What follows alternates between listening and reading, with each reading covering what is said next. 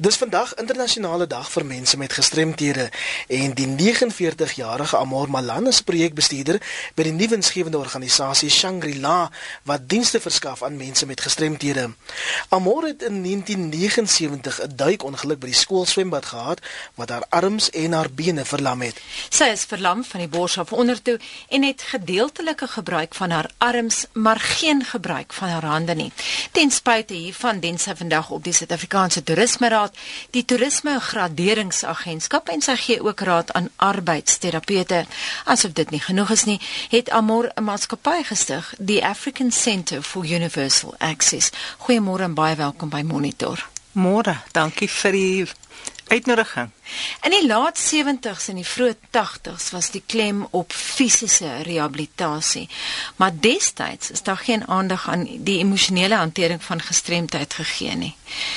Hoe het jy jou ongeluk op net 13 hanteer en jy dit verwerk sonder terapie?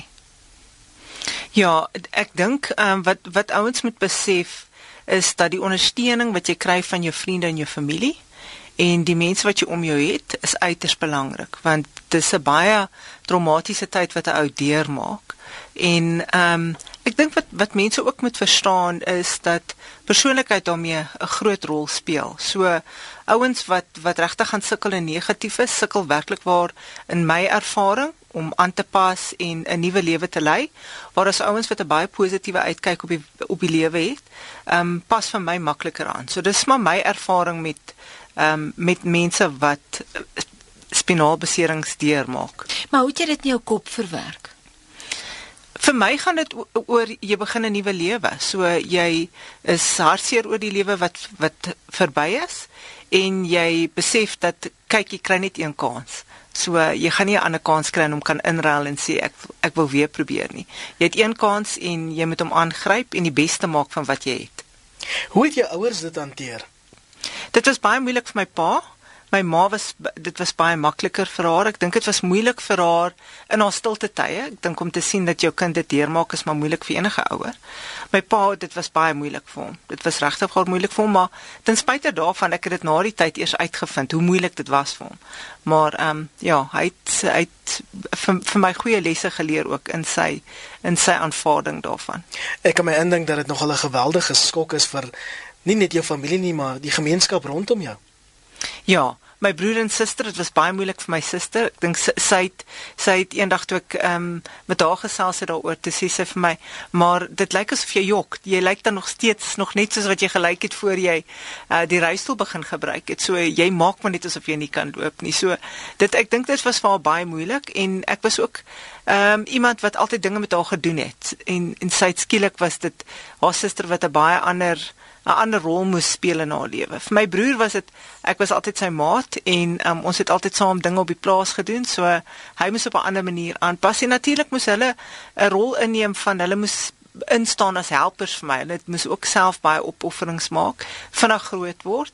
En ja, die hele gesin pas aan hoor. Dis nie net die persoon wat self die gestremdheid ervaar nie. Is daar woede? Ek dink daar is daar, ek dink daar is woede. Ek dink daar is woede Ehm um, ek ek sal dit beter beskryf as 'n er, er, ergerlike frustrasie. Ehm um, en dat dat dit soms omsit in woede. Ek dink sommige mense ervaar seker woede. In in my verlede het ek baie frustrasies ervaar. So ehm um, ja, 'n ou ervaar daagliks frustrasies en ek dink op 'n skaal partykeer is die frustrasies baie swaarder as ander dae. Ja. Vertel ons van die frustrasies wat jy nog op 'n daaglikse basis beleef. Was soos vanoggend. Ons het lekker uitdagings gehad om in die gebou in te kom. So dit is 'n frustrasie want jy jy weet jy het 'n tyd wat jy op 'n sekere plek moet moet ehm um, aanmeld en dan het jy frustrasies en uitdagings om deur 'n gebou te kom of die terrein is ontoeganklik en dan moet jy hulp vra en dan is jy afhanklik van ander persone wanneer jy nie regtig afhanklik van ander persone wil wees nie. So dit is maar die dit is maar daardie tipe frustrasies mense se se houdinge wanneer hulle met jou gesels en dan dink hulle jy jy verstaan nie en hulle dink jou verstand is verlam wanneer jy jou liggaam verlam is. So dit is dis jy weet frustrasies. Patroniseer mense ja. Ja hulle hulle doen. Um, ek dink hulle sal um, skielik ehm um, taal wil begin gebruik wat jy met 'n 10-jarige gebruik en en wil seker maak dat jy verstaan baie eenvoudige woorde en vir jou eenvoudige vrae vra en en dis en dis baie keer irriterend en frustrerend in selfde tyd. Vertel ons van die fisiese veranderings wat jy ondergaan het. Ehm um, die fisiese veranderings, jy weet 'n ou moet begin besef dat jou jou liggaam werk nie meer soos wat hy behoort te werk nie of soos wat ou ou verstaan jou liggaam werk nie.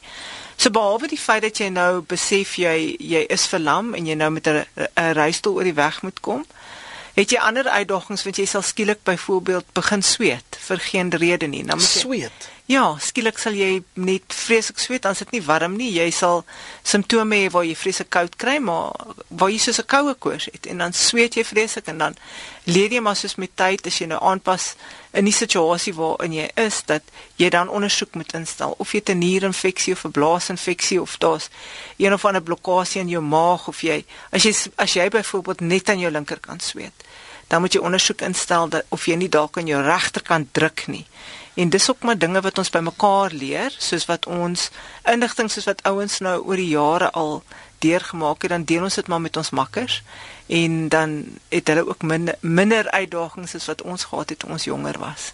Ek wil terugkom na wat jy gesê het oor jou pa. Jou pa en jou sussie het dit baie moeilik hanteer en jy het eers later agtergekom dat jou pa te dagboek gehou. Mm, oor hoe ja. moeilik dit regtig vir hom was. Ja, ja, hy het 'n brief geskryf en ehm um, ons het op die brief afgekom nadat hy dood is en toe het hy in in sy brief duidelik gemaak hoe moeilik dit vir hom was en hy het blykbaar die brief ook geskryf net nadat ek my ongeluk gehad het en ehm um, dit en dit het vir my regtig waar diep getref en van sy laaste sin in sy laaste paragraaf in die brief het hy verduidelik dat dit vir hom makliker geword het omdat hy gesien het ek pas makliker aan en ek ek pak net nou maar die dinge anders aan ek pak sittend dit ding aan en nie meer staanend of lopend nie.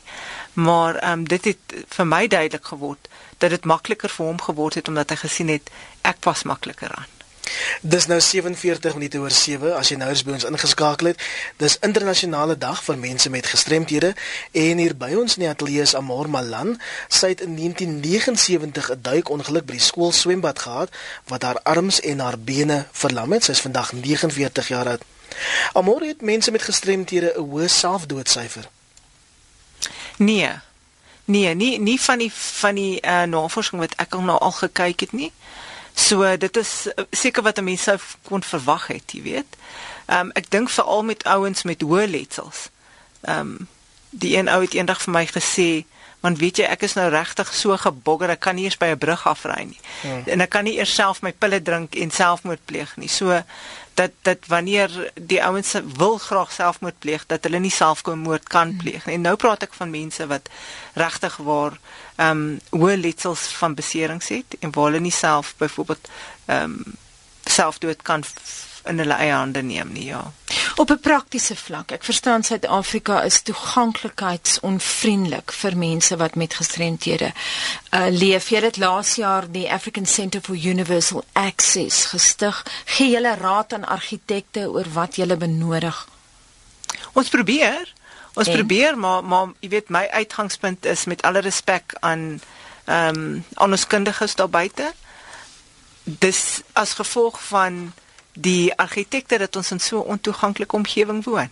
So uh, ons het nog steeds mense wat ons het uh, baie ervare, baie um, behulpsame argitekte wat werklik waar verstaan wat hulle rol is in in hulle eie bedryf en hulle verantwoordelikheid is. En soos die wetgewing ook verander het, ehm um, dat argitekte word nou ook self verantwoordelik gehou as plekke ontoeganklik is.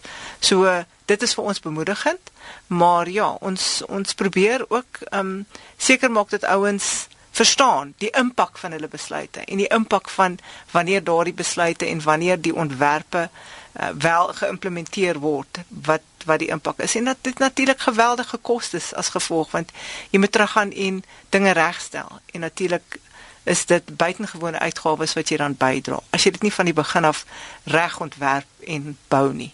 Amorie het nou verwys na wetgewing wat verander het. Doen die regering genoeg om julle te help? Het wetgewing genoeg verander? Dit is juist die uitdaging want wetgewing ondersteun ons dis die uitvoer, uitvoerbaarheid van die wetgewing en dan is dit natuurlik op um, ons hoor dit elke dag die implementering van die wetgewing. Die feit dat meer mense, ek dink ons gaan dit ook in die toekoms sien, meer mense gaan hulle wend tot die hof, van die hof is daar om ons te beskerm en seker te maak dat mense ons weet van 'n wetgewing wat seker maak dat ons mense se se um, die promotion of equality and dismissal of unfair of removal of unfair discrimination act dat ons meer en meer daarop gaan staat maak om seker te maak dat mense wel um, dat hierdie uitdagings uit die weg geruim gaan word. Maar wat help 'n wet as dit nie prakties uitvoerbaar is nie? Ek vra die vra die vraag. Ons het vroeër vanoggend met Wilma Liedeman van Atlantis by te Kaapstad gepraat en sy het vertel hoe groot gesukkel onmoontlikheid dit amper is om net openbare vervoer te gebruik.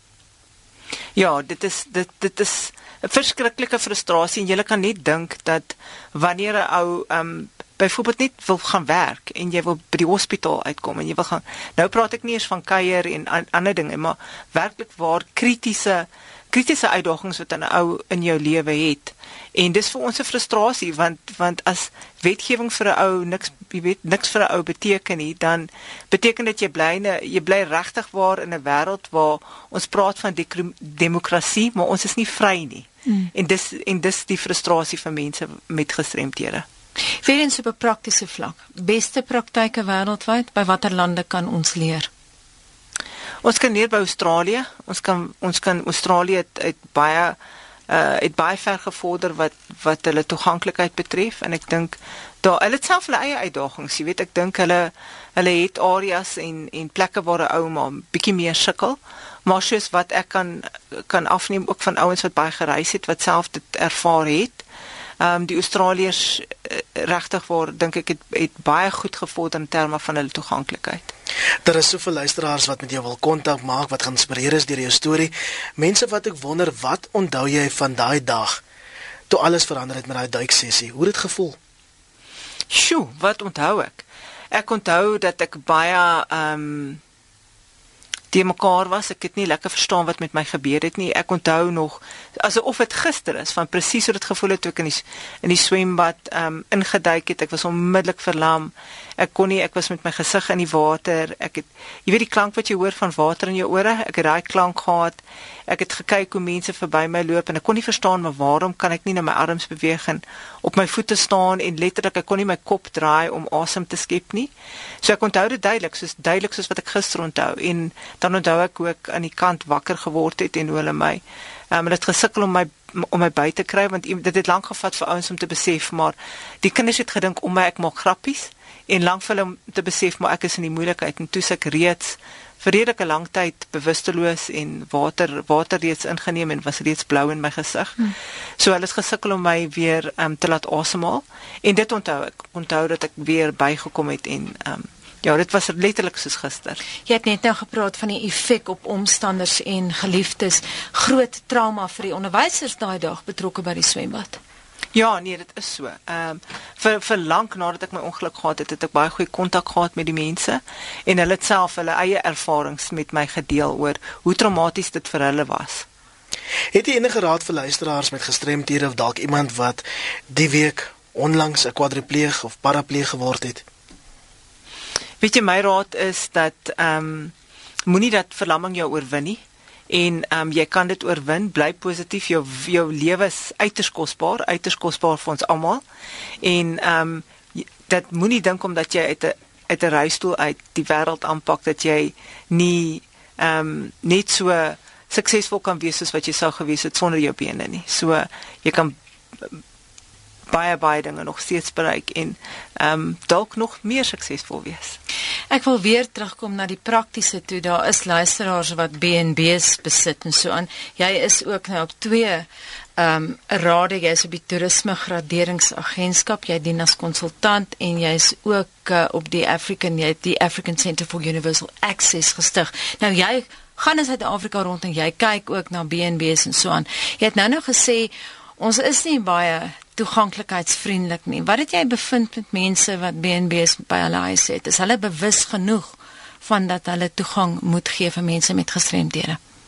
Ja, weet jy, um, ons is baie opgewonde want by die graderingsraad het ons 'n universal access criteria En dit is spesifiek om raad te gee aan almal wat in die bedryf praktiseer, almal wat wat um, in die bedryf 'n um, 'n plekie het waar mense kan oorslaap of dit nou 'n hotel en of dit 'n B&B is. En daarin is baie duidelik praktiese veranderinge wat jy kan maak in jou huis dat om seker te maak of in jou B&B wat jy het, um, om seker te maak dat mense met met nie net met ehm um, rolstoele of reistoele wat wat beweeg in die huise nie of wat beweeg in hulle ehm um, slaapplekke nie en in hulle in hulle hotelle nie maar selfs vir mense wat doof is en wat wat ehm um, ook siens probleme het wat siens gestremdhede het dat dat ouens baie makliker dan daar kan oornag en ehm um, dat hulle nog steeds maklik oor die weg kan kom. Net kortliks luisteraars wat jou wil kontak, waar kan hulle dit doen? Ja, hulle kan my kontak as hulle my deur e-pos wil kontak. My e-posadres is amormalan@bamboorock.co.za of hulle kan my kontak op, op my selfoon. Herhaal net vinnig daai adres. Dis amormalan@bamboorock.sa www.amor.co.za.